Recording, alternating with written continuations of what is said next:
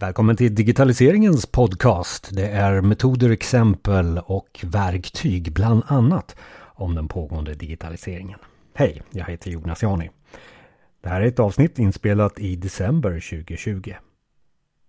Vi springer fortare och vi ska utvecklas snabbare. Ja, det är våra krav som vi har när våra verksamheter nu går mer och mer in i högvarv för att digitalisera.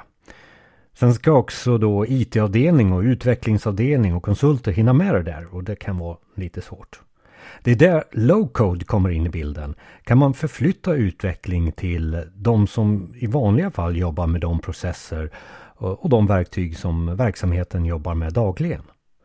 Det här ska vi prata med Marcus eh, Blennegård om alldeles strax. Marcus som är eh, Microsoft 365 lösningsarkitekt på Society.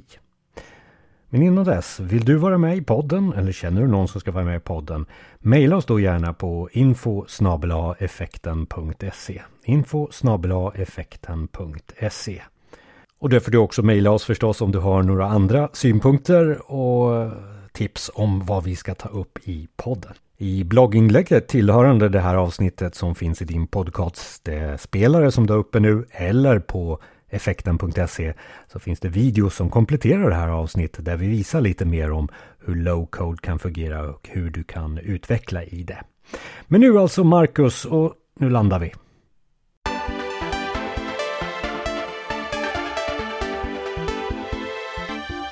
Och då landar vi alltså i low code. Välkommen till podden Marcus. Tack så mycket Jonas. Så vi reder ut det här. Vad, är low code eh, för dig då? Jag skulle vi vilja belysa två olika perspektiv på det. Det ena är från eh, användarhållet och eh, det är egentligen när vi pratar om historiskt sett, det som har varit power users, de som har skapat mycket grejer i kanske Excel, den typen av lösningar. Det nya modeordet är väl kanske citizen developers, i alla fall när man pratar om Microsofts eh, produkter. Eh, men tanken här då är egentligen att man ger möjligheten för slutanvändare som inte tillhör IT och inte är utvecklare i grunden, att faktiskt få eh, lösningar och verktyg eh, för att eh, helt enkelt implementera eh, saker och ting för att lösa sina eh, dagliga problem och eh, sina dagliga behov, helt enkelt. Så, så, att någon form av kraft ifrån något underliggande system och så bör man bara krydda det lite med sin sina sätt att se på saker och ting som, som power user som du nämnde här. Exakt, exakt. Man kan säga att man använder egentligen eh, byggblock. Tänk dig lite grann, man har den här eh, stora legolådan. Du plockar eh, godbitarna som du vill ha till just den här specifika lösningen som du vill eh, bygga för stunden och eh, helt enkelt koppla ihop grejerna på det sättet du vill, eh, du vill ha. Så, så, så, ett exempel på det är nättjänster, så här IFTT och alla, alla de här grejerna som man har kanske hittat som privatperson kan ju också vara i någon form av low code. Jajamän, helt riktigt. Och eh, det är just det, det är, många av de här verktygen har funnits i många år, eh, inte bara inom arbetslivet utan även som privatperson. Och eh, just IFT eller If this then that, den tjänsten har ju funnits i många år för privatpersoner och varit en helt gratis eh, tjänst fram tills eh, ganska nyligen i alla fall. Mm. Um, men sen har ju de här verktygen kommit in eh, mer och mer i arbetslivet och eh, jag personligen som jobbar väldigt mycket med Microsofts produkter, där finns ju hela det som de kallar för Power Platform. Och eh, eh, där finns ju bland annat en produkt då, Power Automate, som är eh, egentligen arbetslivets variant utav IFT och Zapier och de här andra automationstjänsterna som har funnits eh, ganska länge då. Mm. Och, just det här med, du nämnde att det, det, gamla sättet att kalla det, det är power, alltså power user. Alltså, mm. Det känns som att det återkommer överallt när man pratar om low code nu, modeord, men eh, man, alltså man får mycket skjuts av alla byggklossar, det är där, där du säger. Ja, precis. Eh, um, och det, men det, är det, det är väl nog det Microsoft i alla fall äh, har döpt in och det är, det är väl äh, till stor del kanske att ge kraft åt användarna liksom. Men, men, är det bara sådana här power users eh, och privatpersoner som ska använda low code då? Och, och vi andra ska använda high code eller vad? ja, precis. Det är, det är den, den, eh, den eviga eh, frågan och eh, ständiga kampen mellan utvecklare och slutanvändare, eller på att säga. Men faktum är, det andra perspektivet som jag ville belysa, det är just det här att det behöver inte nödvändigtvis bara eh, vara att använda low-code-verktyg för de här simpla, enklare ehm, problemen och lösningarna. För att även från ett utvecklarperspektiv så finns det enormt mycket utvecklingstimmar att faktiskt spara genom att använda low-code. Antingen om man använder faktiskt till 100% i vissa projekt, men framförallt som jag själv brukar förespråka, eh, det är att man ska inte nödvändigtvis vara rädd för att anpassa eh, verktygen, för att många av de här verktygen går faktiskt att bygga ut vidare med ytterligare komponenter och eh, faktiskt kodade anpassningar. Så att även för en utvecklare, eh, givetvis, ut, de här anpassningarna måste ju ske med någon programmerare, men i många projekt så kan man ju faktiskt lösa eh, grundbehovet eh, till kanske 80-90% med low-code-verktygen. Och eh, istället för att helt enkelt bygga allt med en eh, ja, high code, om vi uttrycker så då, eh, då kan man faktiskt göra en kombination av det också, så att man bygger det så långt man kan med low code eh, och eh, på det viset kan faktiskt spara ganska många utvecklingstimmar. Och sen så bygger man det här eh, spe riktigt specifika kundkravet eh, på slutet där eh, får man bygga med kod, men Eh, ofta så finns det verktyg eller möjlighet att koppla ihop då de kodade lösningarna med det man faktiskt har byggt inom eh, sina low-code-verktyg. Ja, precis. Low-code och jag tror pro-code pratar man om. Det är liksom två läger. Så. Eh, men, men, men just det här med exempel, för att jag tror inte, eh, för att få fram det lite, vad, vad är det man ska kunna göra i low-code? Mm. Man, man, kan inte göra allting i low-code, eller Ja, det kan man väl, men, men, men, men det blir väl kanske en, en speciell typ av kategori utav saker som man löser med low code. Så ge oss gärna exempel mm. där. Ja, normalt sett så är det väl mer de här simplare eh, problemen man, man, man tar till low code och det är just för att eh, med low code så är man ju låst till vad plattformen eller vad de här verktygen faktiskt kan göra. Och eh, om vi tar Microsoft återigen som ett exempel, eh, då blir man ju låst till vad Microsoft har gjort en bedömning eh, är faktiskt användbart att ha i verktygen, eller som de i alla fall har implementerat hittills. Medan man som klassisk utvecklare när man programmerar då, då är man ju van att ha 100% kontroll, du bygger precis vad du vill. Det kanske tar lite extra tid, men du kommer egentligen aldrig stöta på några problem längs med vägen så att säga. Mm. Men med de verktygen som finns nu med low code så tycker jag det de allra flesta projekt som till exempel kräver någon form av integration till något annat system. Eh, det kan vara någon annan tjänst som har ett befintligt API man, man anropar eller liknande. Eller där du behöver bygga något form av gränssnitt, eh, helt enkelt en, en mobilapp, en eh, responsiv webbapp eller liknande. Då tycker jag det ändå är värt att göra utredningen först och titta på vad kan vi faktiskt få ut av low code-verktygen. För de brukar oftast ingå i kundernas eh, licenser, i alla fall eh, om vi pratar eh, Microsoft 365. Och eh, man kan spara ganska många eh, timmar, eh, som var nämnt tidigare också. Då. Mm. Och och, och, och, just det här med, det, nu pratar du utifrån alltså, generella så här, integration, gränssnitt, mm. mobilappar och sånt där. Eh, automation nämnde du väl också, tror jag. Eh. Mm, precis. Och eh, eh, det är ju olika produkter, nu blir det väldigt mycket Microsoft-tänk, men det är ju vad jag är van vid. Mm. Men vi har ju Power Automate, det är ju för att eh, automatisera egentligen olika typer av flöden. Eh, det kan exempelvis vara att någonting sker på en SharePoint-sajt, till exempel. Eh, det är en användare som skapar upp en, eh, en ny post någonstans, en, en att göra-punkt eller liknande, ett nytt projekt eller vad som helst. Och utifrån det så kan man då trigga igång de här automatiska eh, flödena, som det kallas, att utföra ytterligare aktiviteter. Och det kan vara så enkla saker som att skicka iväg ett, ett mail till någon, men det kan även vara Eh, betydligt mer avancerade flöden, till exempel godkänna flöden i fler, i fler olika steg beroende på i vilken hierarki du är i, i organisationen eh, och så vidare. Eh, och sen så finns det Power Apps för att bygga eh, applikationer och då är det mer gränssnittet vi, vi pratar om då.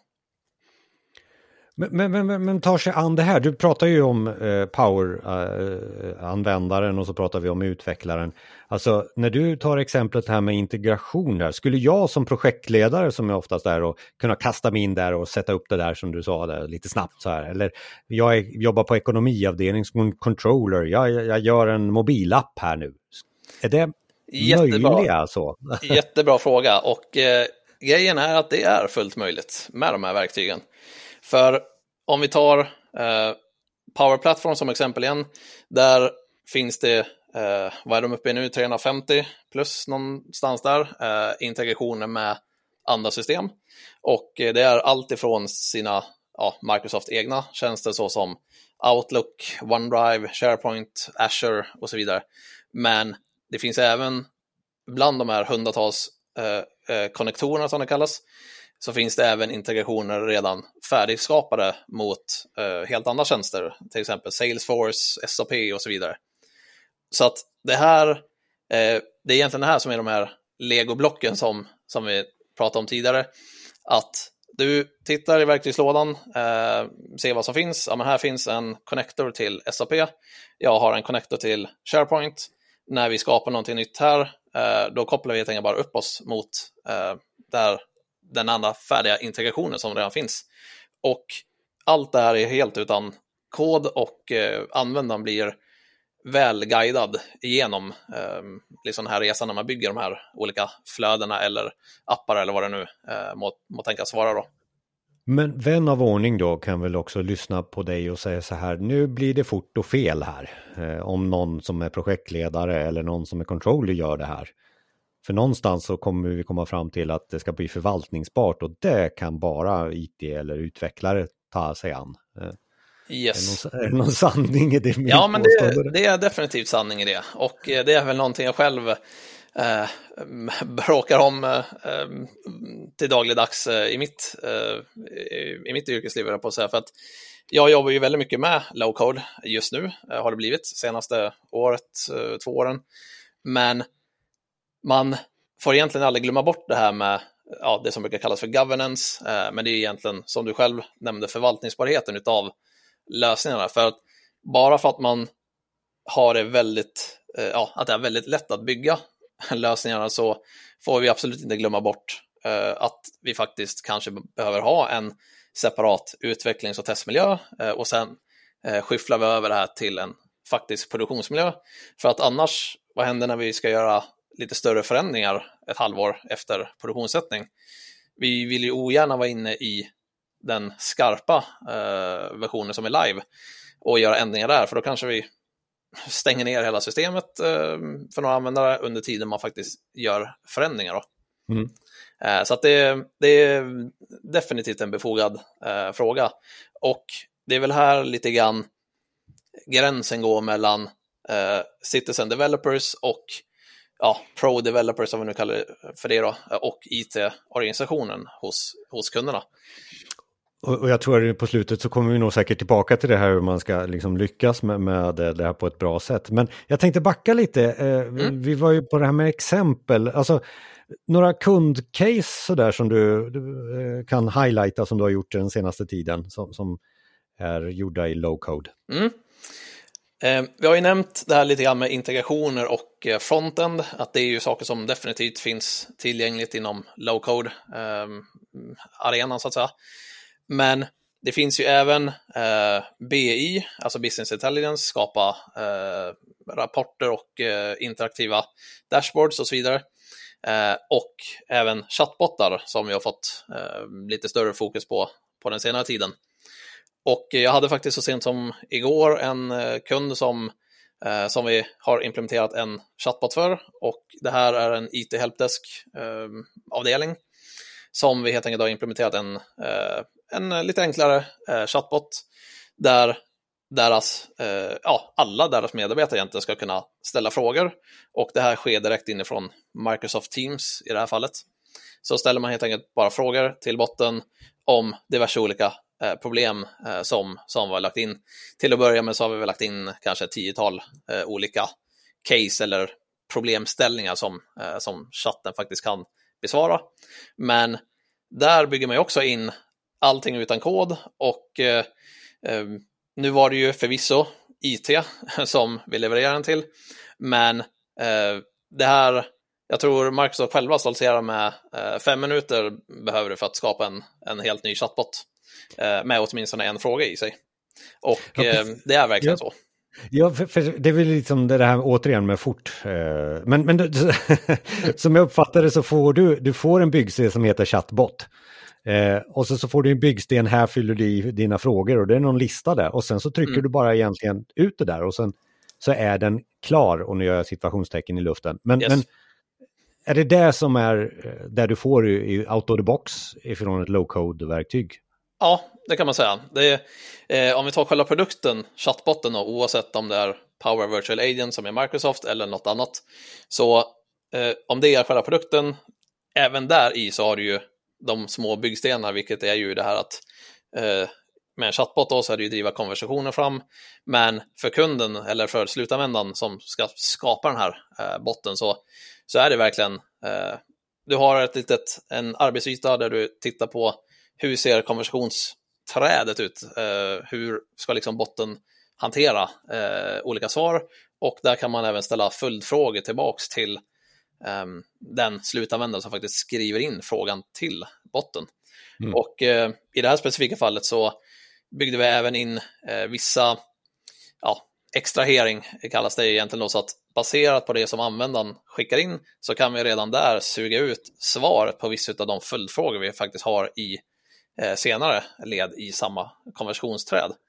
Och eh, det här är egentligen inte värre än att man öppnar en separat eh, flik i verktyget och skapar en lista med nyckelord som, som vi helt enkelt vill, vill, eh, vill kunna extrahera eller suga ut ifrån den här eh, frasen som användaren har eh, skickat in till chattbotten. Man får lite gratis AI med i, i low-code-varianten av chattbotten kan man säga kanske. Ja, eh, du kan definitivt få AI, men, men det är nog ett helt annat eh, eh, scenario. Det här är betydligt simplare eh, än så. Eh, ja.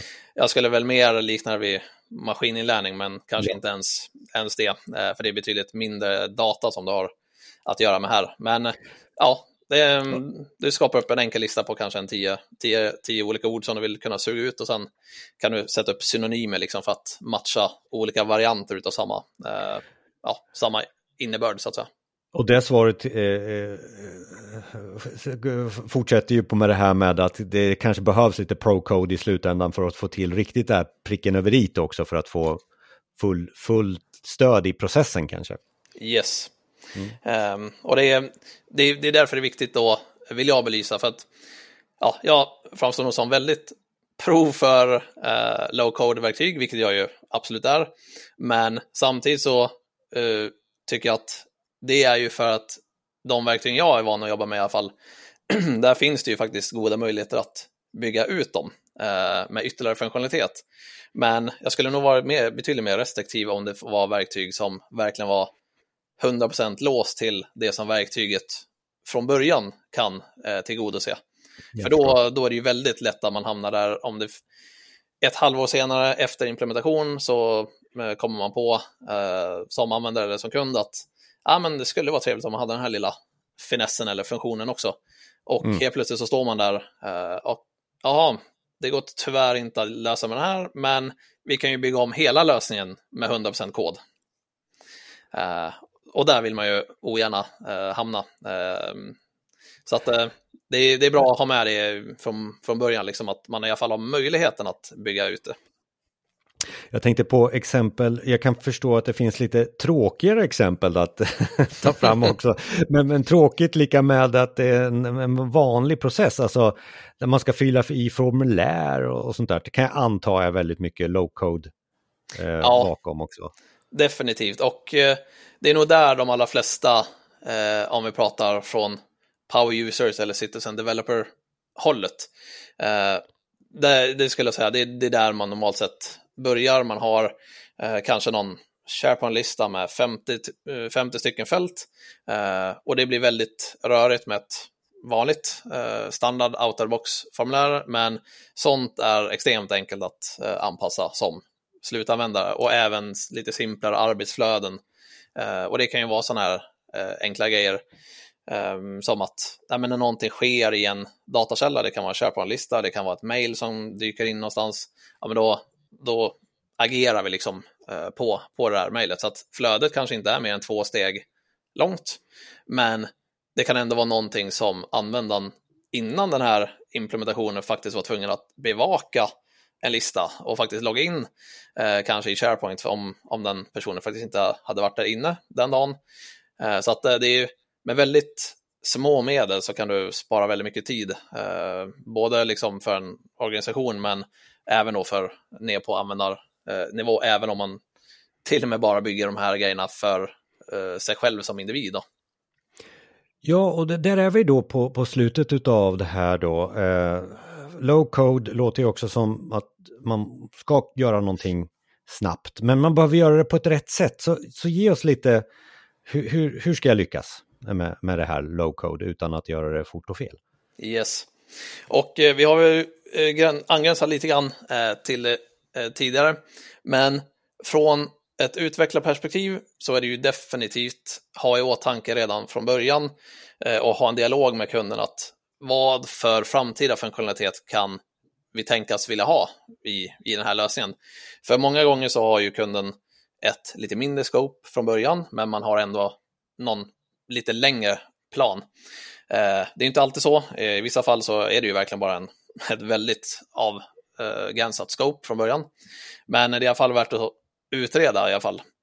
Eh, och det tillsammans med att eh, vara väldigt noga och utreda med antalet användare som kunden kan tänkas ha för de här olika, eh, om det nu är flöden eller om det är business intelligence-rapporter eller appar eh, och så vidare. För att det är sånt som definitivt påverkar licenskostnaderna. För om alla flesta eh, low-code-verktyg, det är ju eh, såklart en användarlicens eh, i grund och botten för att få nyttja dem.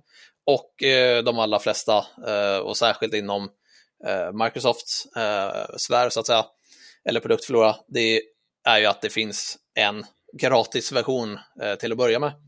Men man kommer ganska snabbt in i det som de själva då kallar för premium-segmentet. Och så, så det gäller att tänka till, för Eh, man, man vill kanske ogärna hamna där också, att om du löser 90% av en lösning och så är det jättelitet behov på slutet som helt plötsligt tvingar 200 användare till att ha premiumlicenser. För då är det kanske inte värt eh, med den här low code eh, varianten i just det scenariot. Men sen även från ett utvecklarperspektiv så är det väldigt viktigt att tänka eh, hela vägen att ha det här med det med deployment. Hur ska vi lösa det?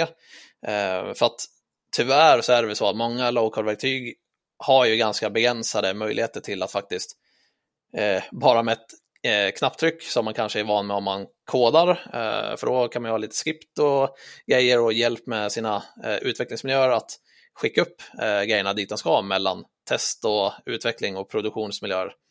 Men sånt är många gånger inte inbyggt i de här systemen och grundtanken är väl att ja, det ska vara så enkelt som möjligt för en slutanvändare eller en power user Eh, mm. Och då är det klart att ja, då det blir det blir väldigt stor begreppsförvirring om de ska flytta över grejerna mellan olika miljöer. Men bygger man det från ett utvecklarperspektiv, för då är det ju just det här som man varit inne på tidigare, att det är jätteviktigt att det måste vara förvaltningsbart, för annars så står man där sen med en, bara en enda produktionsmiljö och så råkar det vara en lösning som eh, är väldigt komplex för att man kan bygga extremt komplexa eh, lösningar även med low code-verktyg. Eh, eh, så att eh, ha det med er hela, hela vägen.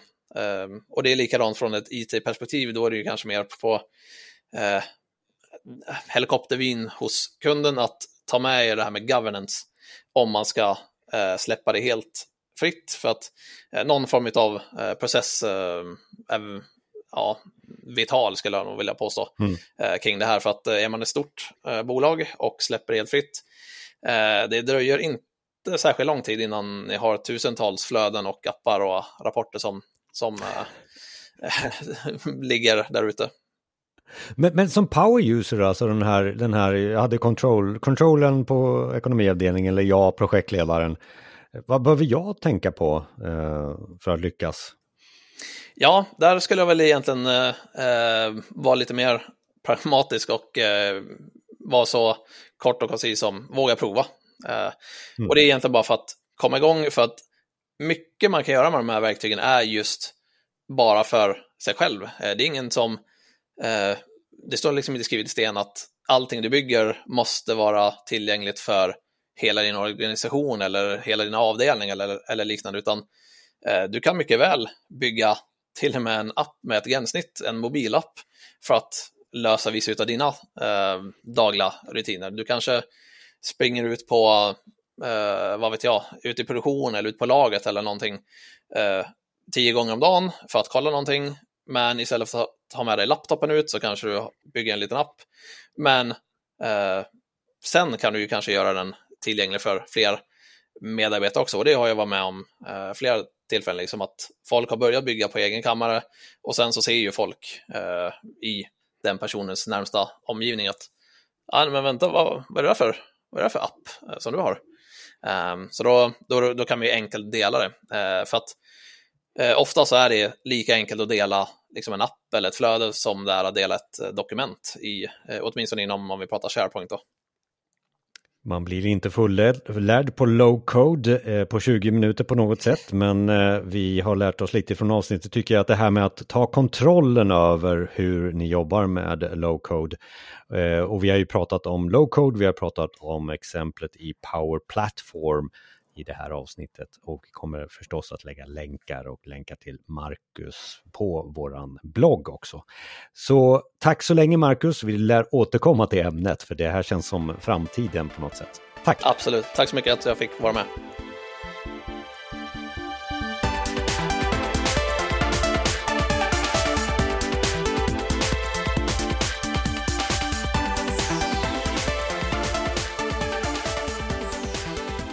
För att du lyssnar på oss. Det här är digitaliseringens podcast och mer om det här avsnittet. Till exempel en video om hur du kan göra de här chattbottarna på ett så enkelt sätt då som low code är finns på effekten.se. Där finns det också bloggar och där livesänder vi också 24 timmar om dygnet. Eh, mycket av det som du har hört här i podden sammanställer vi i spellistor. Finns där på effekten.se radio. Och för oss eh, som eh, lyssnar på poddar så finns vi överallt, till exempel i Apple Podcast och Spotify. Och just det där med Apple Podcasts, där har vi möjligheten att recensera oss. Ge oss gärna en femma där, det skulle betyda oerhört mycket för oss. Då vi eh, kommer högt upp i olika kategorier där vi listas och ger mer värde om digitaliseringen. Jag är Jonas Jani och tillsammans med Micke Nobäck gör vi den här podden. Eh, för att just eh, hjälpa. Det är viljan att hjälpa som är stark inom oss. Och vi har mer än eh, 140 avsnitt nu på effekten.se. Så gå in gärna där och kolla. Det finns alltid någonting som kan locka dig till mer kunskap inom pågående ämnen inom digitalisering. Eh, goda exempel och lösningar på hur du tar dig vidare, det är nyckeln i våra avsnitt. Förutom då att de eh, ska vara så korta och koncisa som möjligt, runt 20 minuter. Vill du vara med i podden eller har du någon som ska vara med i podden? Då mejlar du oss på info effekten.se info effekten.se Alla tips är välkomna. Och så hörs vi alltså nästa gång.